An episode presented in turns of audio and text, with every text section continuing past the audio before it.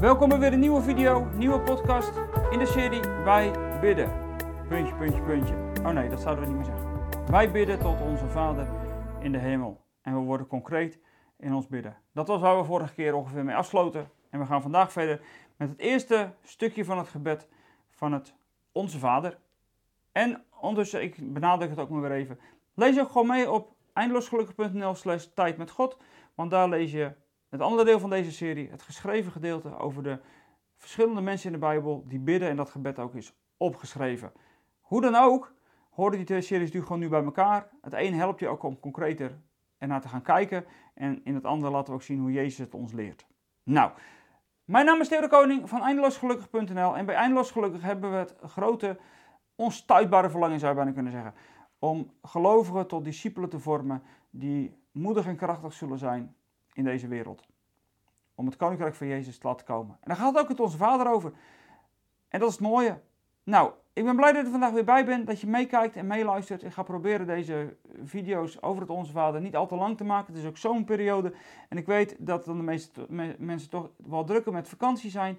Dus we proberen hem eens iets korter te maken en toch heel concreet en heel duidelijk te zijn. En het zijn hele korte gebeden in het Onze Vader, dus dat helpt ook alweer. Maar tegelijkertijd wil ik er ook zoveel omheen vertellen, want er is nog zoveel over te zeggen. Nou, in de eerste plaats dan maar even dit. Het Onze Vader bestaat eigenlijk uit twee gedeelten. Nou ja, of zes. Net hoe het wil. Als je er zes van maakt, zijn het twee keer drie. En anders zijn het er in ieder geval twee. En het zijn zes gebeden. En de eerste drie gebeden, de mensen die heel veel onderwijs hebben gekregen weten dit allemaal al lang.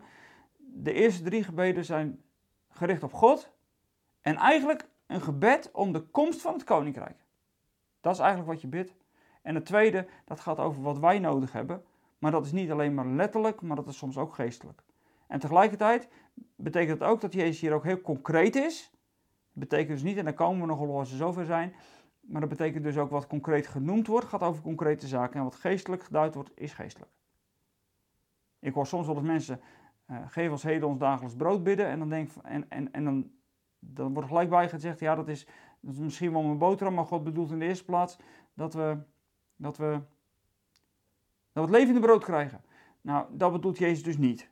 Jezus is gewoon concreet in de dagelijkse behoeften en de, en de behoeften die we als mensen ook hebben. Maar zo begint hij niet. Hij begint heel hoog, hij begint in de hemel. Dan was hij ook onze Vader die in de hemel is. Zal ik het gebed maar even voorlezen? Uit de MBV. Misschien heb jij een andere vertaling in je hoofd. Ik merk dat ik er altijd voor zoveel op moet passen. Ik lees hem natuurlijk op de begraafplaats ook heel vaak. Sluiten we heel vaak een uitvaart af met Onze Vader. En dan moet ik zo uitkijken als ik het uit mijn hoofd doe, dat er niet andere mensen mij afleiden met een net iets andere vertaling. Dus ik heb hem altijd opgeschreven staan. Misschien denk je, Theo schrijft nooit iets op. Nou, ik schrijf inderdaad niet heel veel op, maar dit wil ik niet fout doen. En ik lees hem nu in de MBV-vertaling. En daar staat dit, en dat is Matthäus 6, vers 9. Waar Jezus al, zei, al had gezegd, bid daarom als volgt. Onze Vader in de hemel. Laat uw naam geheiligd worden. Laat uw koninkrijk komen. Laat uw wil gedaan worden, zo op de aarde zoals in de hemel. Geef ons vandaag het brood dat wij nodig hebben. Zo staat het trouwens niet helemaal letterlijk, maar dat komt later nog wel. Vergeef ons onze schulden zoals wij ook vergeven wie ons iets schuldig is.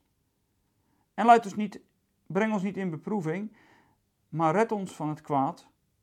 Want aan u behoort het koningschap, de macht en de majesteit in eeuwigheid. Amen. de meeste van ons zullen het wel zo kennen, want van u is het koning, van, van u is koninkrijk de kracht en de heerlijkheid tot de eeuwigheid. Amen. Nou, dat laatste is de vraag wat dat erbij hoort. Het ene hand staat wel, het andere niet. Staat ook in de MBV tussen grote haken. Hoe dan ook is dat voor later, dus daar kom ik nog een keer op terug. We beginnen even met dat eerste stukje van het gebed. Vorige keer hebben we al gezegd, onze Vader in de hemel. En die hemelse werkelijkheid waar de Vader is, in die werkelijkheid spreken wij hem aan om die werkelijkheid van de hemel op aarde zichtbaar te maken. Het zijn dus niet wensen die uitgesproken worden. Het zijn ook niet verlangens. Het is een duidelijk gebed waarin we vragen. Drink het door. Het gehoord wat ik zeg? Het is niet iets wenselijks. Het is niet iets wat we alleen maar verlangen. Maar het zijn concrete vragen. En dat hangt dus een beetje af in de vertaling hoe je hem leest en hoe je dat dan ervaart. Want weet je, als je een oudere vertaling pakt, dan zijn ook oudere woorden gebruikt. Daarom ben ik niet zo voor die oude vertalingen. Ondanks dat ze soms wel eens een keer wat even iets van een andere kant laten zien. Maar hier is dat heel link. Want dan is het onze Vader die in de hemelen zijt, uw naam worden geheiligd. Dat klinkt als een wens. Iets van, nou ja, uw naam worden geheiligd. Nee, laat uw naam geheiligd worden. Laat dat gebeuren. Hoe concreet wil je het hebben? Dit is concreet bidden, jongens en meiden, vrouwen, mannen. Dit is concreet bidden. Concreet bidden om het, dat, dat, dat de naam van God, dat die heilig zal zijn op aarde. Die naam in de hemel, die naam van Hij die jouw vader is, de ik zal zijn die ik zijn zal, de grote ik ben.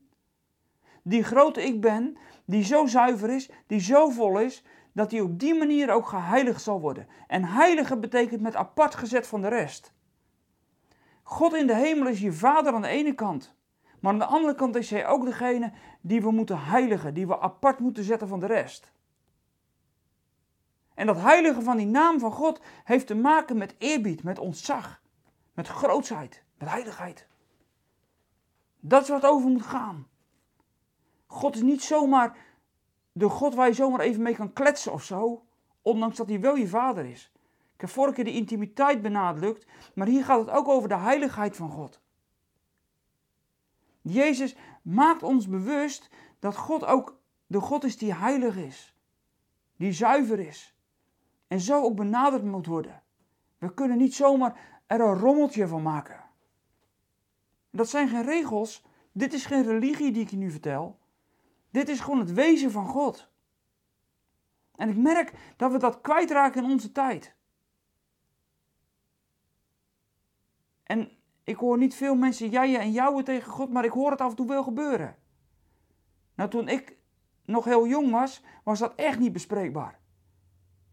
En ik geloof dat we die kant ook niet op moeten, want het gaat, Jezus maakt ons hier zo duidelijk dat die Vader in de hemel, met wie we zo intiem zijn, met wie we zo vertrouwd zijn, dat hij ook vol, volkomen zo heilig is. En laat die naam, en in de naam, de naam zegt wie je bent in de Bijbel. Hè? Als, als, God, als Mozes tegen God zegt, maar wie moet ik dan zeggen wie mij gestuurd heeft? Dan zegt God, zeg maar dat ik ben je heb gestuurd. Dat is de naam van God. Maar tegelijkertijd is dat wie die is. De grote ik ben. Die naam, die moeten we heilig achten. Die moeten we die moeten we apart houden van alles. En die komt alle eer en glorie toe. Die moeten we met, met de grootst mogelijke heiligheid benaderen. En dat is niet om die vertrouwelijkheid weg te halen. Het zijn twee kanten van dezelfde medaille. Aan de ene kant thuis en vertrouwelijk, echt thuis bij de Vader. En aan de andere kant blijven beseffen dat Hij de grote God is, die zo heilig is die zo zuiver is dat geen mens bij hem zou kunnen wonen als Jezus daar niet tussen had gezeten. Nou, ik wil echt dat gewoon benoemen, maar ik weet niet goed hoe ik het woorden moet geven. Die heiligheid van God, dat is, dat is zoiets groots. Als die heiligheid in het Oude Testament de tempel binnenkomt, dan kunnen de priesters daar niet meer binnen blijven. Dan kunnen ze niet meer eens meer op hun benen blijven staan. Zo groot is die heiligheid.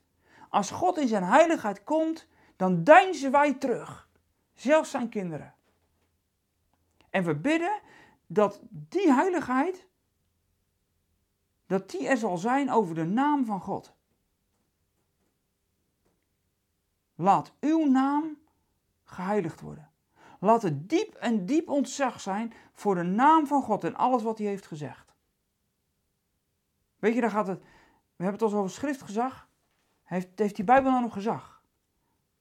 En er zijn heel veel mensen die zeggen, ja, dat was toen. Niks, dat was toen. Dat is de God die ik vandaag nog steeds dien. Ja, sorry hoor.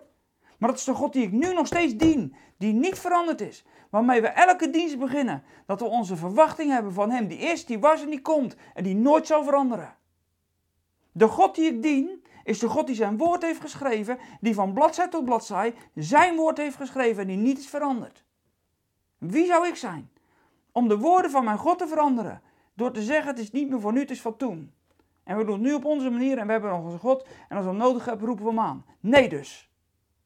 Jezus begint, begint dit gebed met deze woorden. Laat uw naam geheiligd worden. Dus die heiligheid van God, die moet er zijn en die moet blijven en die moet zuiver zijn. Daar moeten we op gefocust zijn dat dat er helemaal is. En dat we dat ook helemaal serieus nemen. Wij naderen tot God, die zo oneindig anders is dan wij. En dat moet niet alleen bij ons, maar dat betekent ook dat het belangrijk is dat we dat ook hier op aarde, dat die naam die plek zal hebben en zal krijgen. En als je die plek niet krijgt, wat is dan je gebed nog waard? Wat is dan ons leven waard als we die God niet die plek geven die Hij toekomt? En omdat Hij die plek toekomt, leert Jezus ons bidden dat Zijn naam heilig wordt op aarde. En dat heeft ermee te maken dat we daarmee niet alleen voor onszelf bidden, dat we niet het voor onszelf beseffen, maar er zit ook een andere kant aan. En die andere kant die hier aan zit, dat is die kant van dat het hier opnieuw zo zal zijn. Dat elke knie zich zal buigen voor God. Omdat Hij de grote heilige God is. Met zijn zoon op de troon, die alles voor het zeggen heeft. Maar dat hier op aarde er weer opnieuw ontzag komt. En dat ontzag voor God, het komt er alleen maar als wij dat ontzag weer wekken naar buiten toe. Als die eerste gemeente, als er daar 3000 tot geloof komen en dan nog 5000, dan staat er dat er ontzag is. Omdat dat, die eerste gemeente leeft vanuit de relatie met God en vanuit het besef dat God ook de heilige God is en ze leven zuiver. En er komt er ontzag. En dat ontzag doet grote dingen. En daar heeft dit eerste gebed mee te maken. Dus laat uw naam geheiligd worden. In de hemel, daar doen de engelen het volledig. Dat doen de heiligen die al ons voorgegaan zijn, die doen dat allemaal al. En wij doen het hier op aarde. Tenminste, wij oefenen daarin. En we zullen daarin het echt niet volmaakt doen, maar laat die naam van God heilig worden, ook hier op aarde. Dat is ons gebed, of God dat wil doen, maar tegelijkertijd kunnen wij er niet passief in blijven. Ik hoop dat dit eerste stukje van het Onze Vader, de eerste bede van de Onze Vader, jou weer even tot nadenken aanzet. En dat je even nadenkt op welke manier, hoe, hoe jij met God omgaat.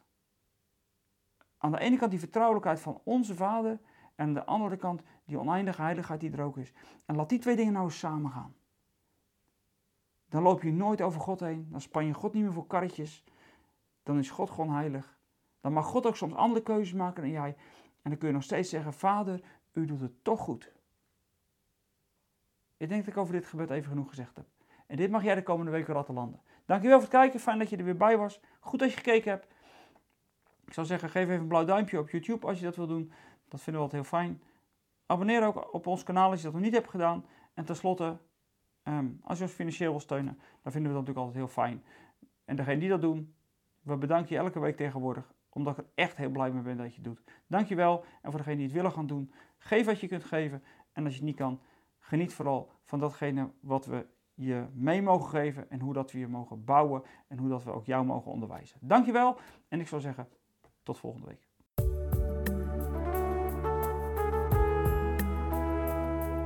We zijn er weer aan het einde van deze podcast. Spreken deze podcast je aan en wil je ons met de gift ondersteunen? Kijk dan voor meer informatie op www.eindeloosgelukkig.nl/podcast.